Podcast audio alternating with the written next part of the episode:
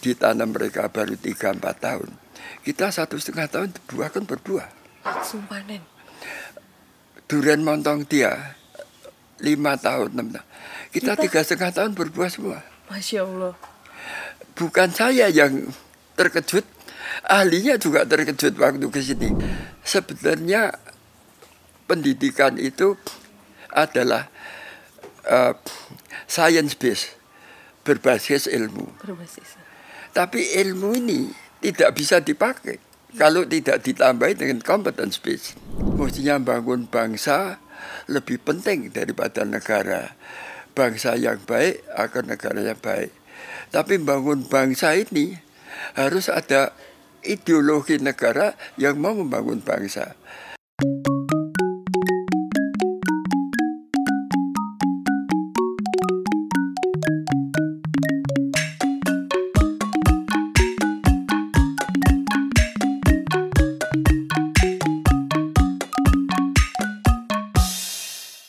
Sahabat tani, kalau sahabat tani ke Semarang itu wajib banget buat datang ke Hortimart. Karena buah-buahnya banyak banget dan rasanya tuh luar biasa. Ditambah itu adalah tanaman buah, ada tanaman bunga juga. Pokoknya banyak banget.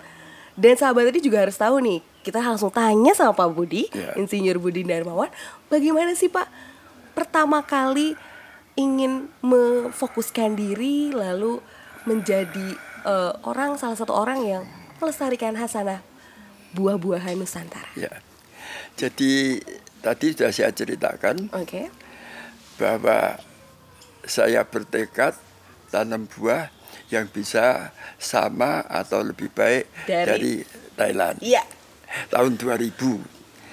Jadi akhirnya dari kebun cengkeh yang saya rehabilitir lagi ada laba, sebagian laba separuh dibagi pemegang saham, separuh saya pakai untuk bikin kebun buah di sekarang eh, ngebruk itu 200 hektar itu lokasinya 200 hektar. Kemudian ah, di situ saya tanam apa yang mau saya tanam. Saya bilang yang kita impornya paling banyak apa ya? Durian montong, Durian lontong. Lengkeng itoh. Itu. Dua-dua dari Thailand. Lah terus bibitnya bagaimana, pupuknya bagaimana, dan bagaimana tidak tahu. Iya. Saya datangkan ahli dari Thailand. Ke sini. Iya, Wow. dari Thailand ke sini ngajari kita semua yang dipakai mereka saya tiru. Pupuknya kita tidak punya kita import terus. Waktu itu sudah ditanam, saya tercengang-cengang itu. Karena Kalau lengkeng mereka itu ditanam mereka baru 3-4 tahun, kita satu setengah tahun buah kan berbuah. sumpah Nen. durian montong dia lima tahun enam tahun kita, Kita- tiga setengah tahun berbuah semua Masya Allah. bukan saya yang terkejut ahlinya juga terkejut waktu ke sini Waktu datang melihat langsung iya gitu ya dia Pak. bilang negara kok seperti ini itu jadi saya mulai bikin itu jadi 2000 saya mulai tanam 2005 2006 mulai kelihatan lah banyak teman-teman saya saya ajak dulan Iya. pamer uh, gitu. lah terus mereka bilang yo nek kowe sampai jangan cuma eh, kebunmu rakyat dong diajari. Nah, terus kita diskusi bikin yayasan obor tani. Yayasan Obor Tani. ya itu tahun tanggal 17 Januari 2006 dirikan yayasan obor tani. Tujuannya kalau ini ada desa kita bikinkan blueprint seperti kebun Oke. embungnya bagaimana dan sebagainya. Kita carikan dana sponsor Masya Allah. untuk bangun kebun itu. Untuk buktikan. Cuma 100 petani seluas 20 hektar. Itu. Ya sesudah itu desain sudah ketemu. Pertama desa Genting untuk lengkeng butuh dana satu setengah miliar. Tahun 2006 ya Pak waktu itu. 2006 Wah, saya cari kanan, cari kiri, tidak ada sponsor perusahaan yang mau. Akhirnya saya ajak teman-teman 15 orang, satu orang 100 juta. Nah, saya melabori dulu saya 100 juta. Dapat terus saya bangun. Waktu itu dibangun, nanti bisa dilihat videonya. Tahun 2000 mulai di cita-citanya itu di video. Terus saya dengan Bu Rusri dan Pak Bibi itu dekat. Jadi Bu Rusri lihat, wah, saya tanya, Pak Budi ini pemerintah berbuat apa? Nggak berbuat apa-apa. 100% saya swasta. Wah, terus dia bilang, saya malu. Kebumen. Terus kita bikin juga di Kebumen, dibiayai oleh BPT. Sesudah kelihatan, mulai sponsor banyak. Sampai sekarang yang terbanyak Pertamina. Terus mulai berkembang dari desa ke desa, desa ke desa. Saya idenya dulu cuma Jawa Tengah. Tapi rupanya Jogja juga tahu, Pak Rio itu ponaknya Sri Sultan ketemu saya minta kita bangun di sana. Kita sekarang punya empat di sana di Kelanggeran Gunung Kidul, Bilang Rejo, Bandaroya, dan Giri Purwo. Terus kita di sini kok sekarang kira-kira ada 30 berkembang lagi di luar pulau juga tahu ada dari NTB Pak NTT ya Lanantuka diminta bangun sana sekarang punya di Larantuka di Simalungun Sumatera Utara di Sobang di itu jadi lah saya sudah bilang berhenti berhenti dulu. Karena obor tani itu waktu tahun 2000 sudah jalan 6-7 tahun itu saya keliling dari tempat ke tempat. Karena itu desa yang terpencil kita kasih duit ya sebenarnya kita nempatkan dua orang yaitu pemimpin SPT Sentra Pemberdayaan Tani dan wakilnya. Terus 100 petani diajari terus tiap hari. Dia harus tinggal di desa itu tiga setengah tahun. Kita biayai. Lah ada desa yang jadi bagus, ada yang sedek, ada yang jelek. Kalau orang yang ditempatkan itu pinter, tapi curang tidak bisa bagus. Karena pupuknya dipakai dia sewa tanah tanam kacang pupuknya dialirkan. Petani nggak berani minta uang ini cuma sumbangan. Okay. tidak jadi. Kemudian ada yang jujur tapi kurang pinter. Pupuk salah juga tidak jadi. Jadi saya waktu itu sudah bilang ini nggak bisa. Kalau kita mau bangun Terus ada lagi religion gap. Satu desa buktinya betul bagus. Saya tanya lu apa? Kok buatan sakit dan apa? Buatan tepang, buatan tepang pripun. Masyarakatnya sangat muslim. Yang kita tempatkan sarjana pertanian, Hendrik anak Nasrani. Jadi kalau diajak sholat enggak. Jadi ada ada satu gap. Gap, gap. terus ada lagi satu desa anak bata yang kita tempatkan. Juga tidak jadi. Terus saya bilang dia coba petani kumpul. Saya kak duduk di antara petani. Kamu jelaskan. Jelaskan ya pakai bahasa Indonesia yang medok begitu dah. Iya. Sebelah saya dia tanya, Pak ngertos Pak, boten. Selesai toh. Jadi saya bilang kalau kita membangun desa, kita harus tahu tentang desa itu. Okay. Budayanya, uh, agamanya, kemampuan bahasanya, ke mana itu. Jadi saya kemudian ngajak teman-teman lagi, nggak bisa ya ini obor tani sudah terlanjur jalan, kita pelan-pelan kita bikin SDM yang bisa membantu petani.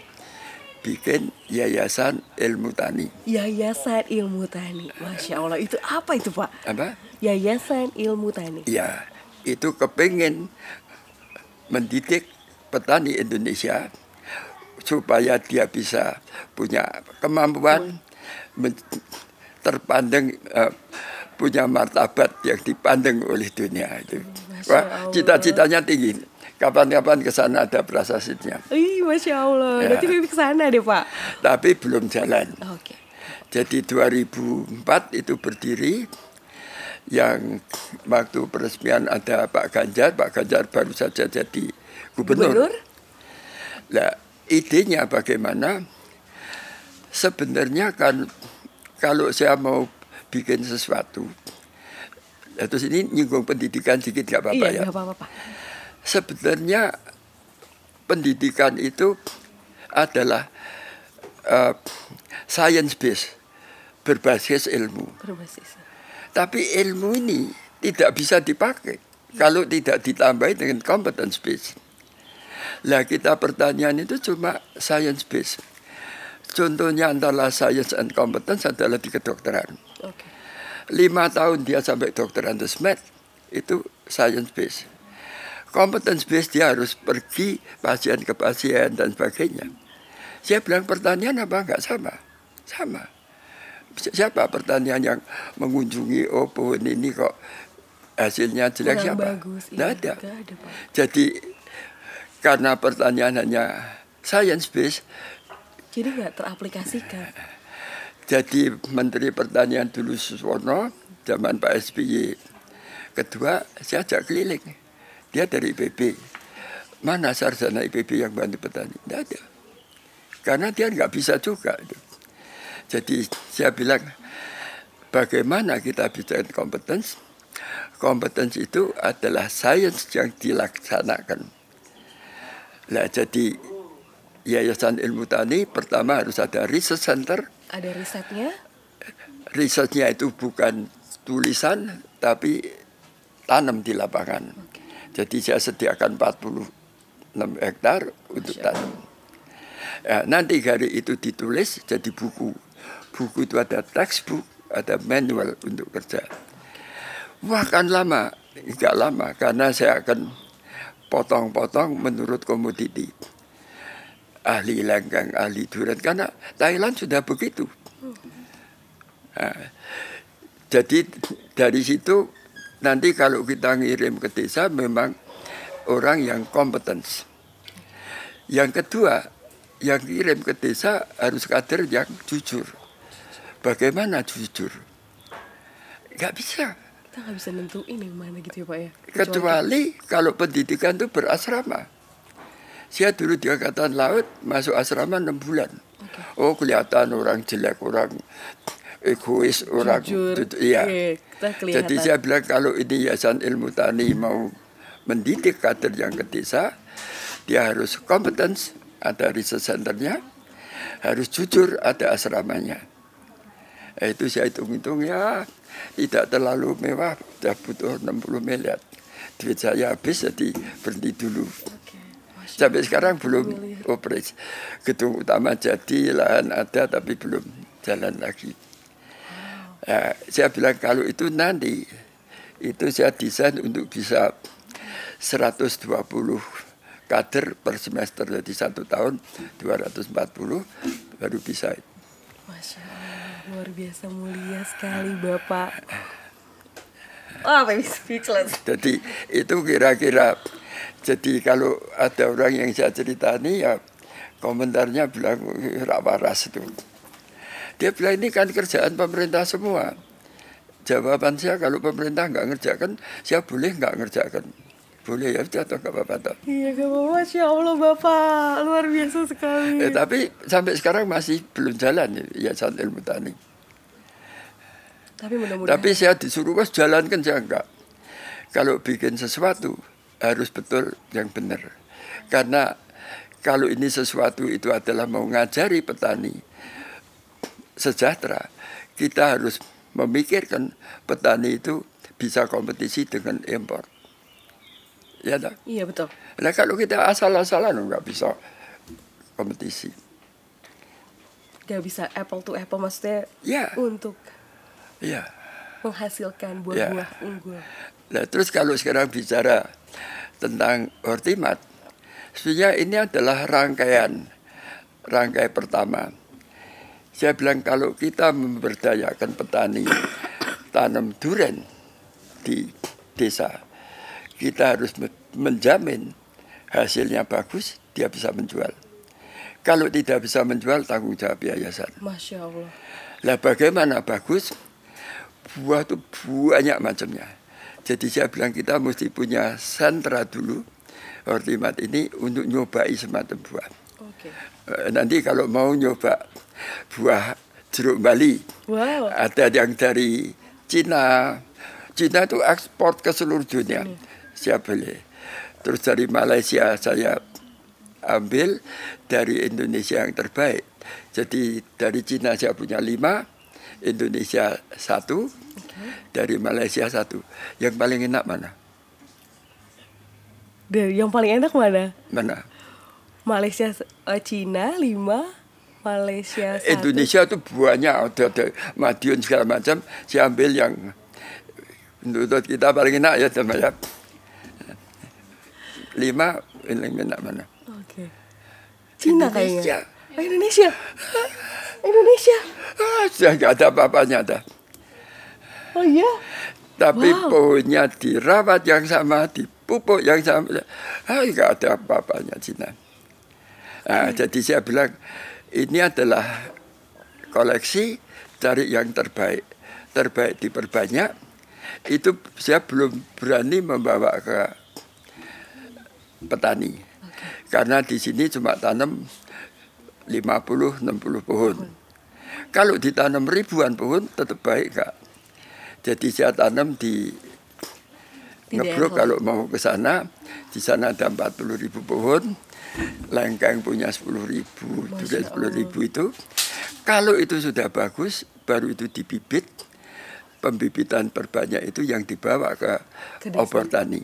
Ke desa-desa. Jadi kalau di obor tani dikasih ini bibitnya, teknologinya begini, pupuk semua disediakan, bagaimana ngerjakannya kita Di- nempatkan. Ada dua kader kita hidup di sana, Latih di sana. ya kalau berbuah tidak bisa jual, obor tani tanggung jawab. Ternyata sekarang tidak ada satupun yang mereka mau minta kita menjual. Karena sudah laku di depan. lakunya sudah terheran-heran aja seperti di Gunung Kidul itu kelanggaran itu saya ke sana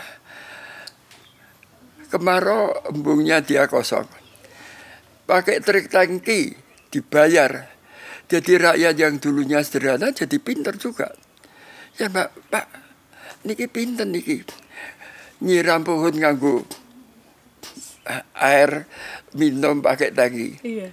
satu pohon nyiram satu kali tiga puluh ribu. Lah itu kan tiap dua minggu. Dia bilang nanti dua bulan ya kira-kira lima kali. Napa cucuk? Cucuk pak. Niki tebasannya pitung juta, niki tebasannya. Masya Allah. Durian satu butir 150 ribu. Iya.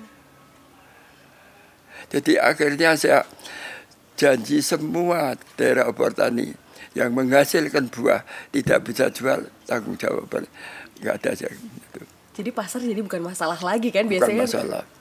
Biasanya itu jadi sering pejabat kita orang-orang itu Pak kalau overproduksi bagaimana?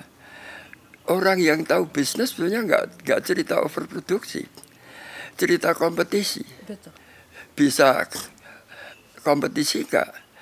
Saya kasih handphone. Handphone dulu mau ada Nokia, Iya. analog, wah ibut. Ada BlackBerry, habis tak?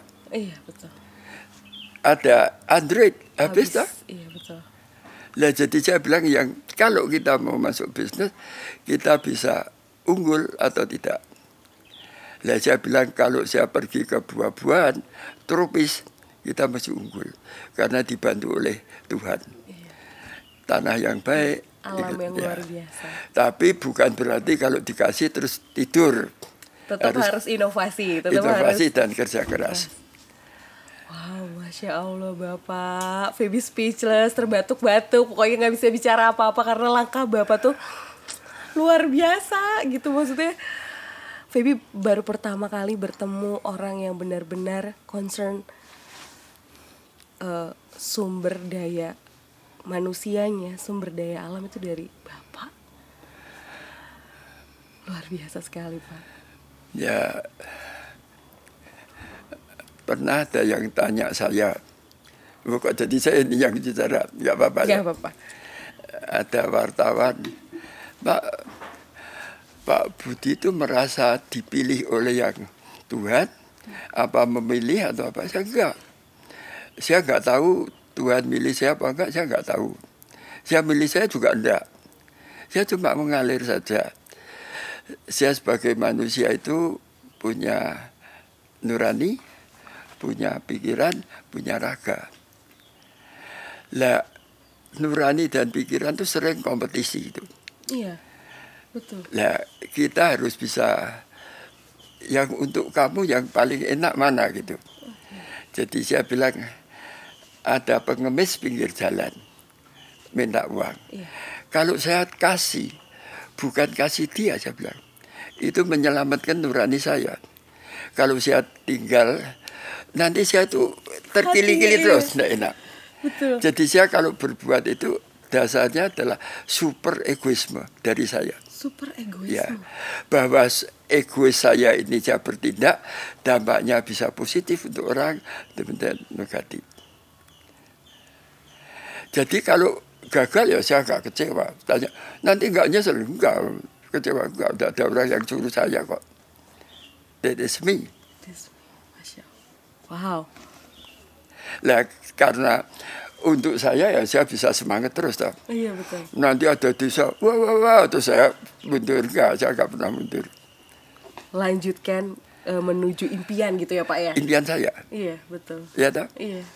Syukur-syukur impian saya positif untuk Buat bangsa. ya. Masya Allah. Banyak orang yang sok, wah saya ke desa mau membantu, Ah, bohong lah. Sebenarnya itu adalah keinginannya sendiri. Yang suruh saya bikin yayasan obat tadi nggak ada. Yang suruh bikin yayasan mental nggak ada. Tidak saya. Bahwa keinginan saya, kiprah saya, happiness saya bertambah positif, ya syukur. Alhamdulillah iya betul. Lah bagaimana kita ngatur nurani kita? Sahabat Tani, kita dapat sesuatu hal yang luar biasa hari ini. Bagaimana kita mengatur nurani kita. Iya. Sahabat Tani kita istirahat lagi di segmen nanti kita akan lanjutkan segmen keresahan milenial.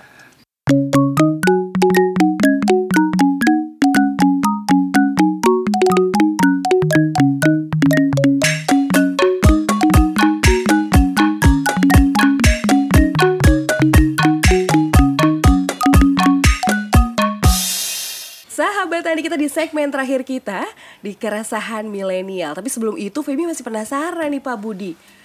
Kan Pak Budi punya PT tuh tadi sempat cerita PT Cengkeh Zanzibar. Ya. Itu ceritanya bagaimana Pak? Maksud filosofi dari nama itu apa? Karena sefaham Feby, Zanzibar itu ada di daerah Afrika, pulau yang luar biasa bagus di sana dan pernah ada terjadi perang kalau nggak salah sana. Jadi sebetulnya cengkeh itu asalnya dari Maluku. Maluku. Maluku itu menurut ahli cengkehnya Profesor Toyib Badi Wijaya itu ada bunga lawang kanan, bunga lawang kiri. Oke. Bunga lawang kanan itu yang jelek karena produktivitasnya kecil, tidak itu. Bunga lawang kiri itu yang bagus. Nah dulu waktu penjajahan Belanda, bibit-bibit yang bagus itu diambil, ditanam di Pulau Madagaskar dan Zanzibar. Oke. Jadi kita waktu import itu kita ambil yang aromanya bagus dan sebagainya dari Zanzibar. Jadi lucu dari kita dibawa ke sana, dari sana dibawa kembali lagi. Jadi waktu PT berdiri ini yang kasih nama bukan saya, yang kasih nama Pak Menteri Profesor Toyib. Wah bilang aja ini PT Cengkeh Zanzibar, yaitu cengkeh yang paling bagus itu. Jadi itu riwayatnya nama PT Cengkeh Zanzibar. Oh, masya Allah. Jadi karena membuktikan bahwa ini cengkeh paling bagus. Betul, ya itu kita murnikan. Kalau mau lihat pohonnya masih ada kira-kira 50-60 ribu. Di mana Pak? Di kebun curug. Oke, Ya. baik. Kemarin saya di sana. Kemarin Bapak dari sana. Ya. Oke. Terus Pak, bagaimana kita sebagai generasi muda bisa menapaki jejak bapak gitu. Apakah ada nggak pesan untuk generasi muda saat ini? Sebetulnya saya sulit bicara dengan menganjuri generasi muda kalau anjuran saya itu tidak ada wujudnya gitu. oke. Jadi saya akan tadi saya sudah cerita sedikit bahwa bagi saya mestinya bangun bangsa lebih penting daripada negara. Bangsa yang baik akan negara yang baik. Tapi bangun bangsa ini harus ada ideologi negara yang mau membangun bangsa. Membangun bangsa itu apa? That is ideologi. Ideologinya apa? Dunia mengenal ideologi kapitalis, yaitu serahkan pada pemilik modal. Modal. Nanti rakyatnya dapat makan dipakai karyawan. Terus ada lagi komunis, sita semua untuk negara, suka usah itu itu. Lah saya pelajari Bung Karno tidak mau dua-duanya itu. Kapitalis itu eksploitasi tulang malam, komunis itu juga tidak bertuhan. Terus Bung Karno bilang marhenisme. Nah, marhenisme itu yaitu marhen itu nama petani yang miskin itu diberdayakan. Nah, kalau ini diberdayakan, dia akan bisa. Lah memberdayakan itu dalam apa? Dalam semua bidang. Kalau di sana itu keramik, ya diajari keramik, sana pertanian itu.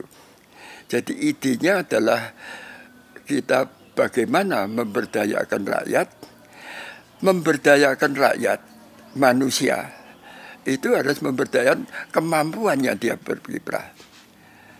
Kalau dia itu kepintarannya kalah etos kerja, ya dia nggak bisa berdaya. iya betul Lah saya sendiri karena bergerak di pertanian, jadi saya kepingin memberdayakan rakyat itu di dalam pertanian. Pertanian dipersempit lagi apa pangan? Bukan. Apa bahan industri? Bukan. Yaitu buah-buahan gitu. Jadi jadi saya sedang menyusun buku tentang perhitungan perkebunan buah itu seperti apa. Saya hitung-hitung kemarin saya juga terkejut-kejut bahwa uh, profitability-nya bukan main buah itu. Kalau bisa bisa bagus.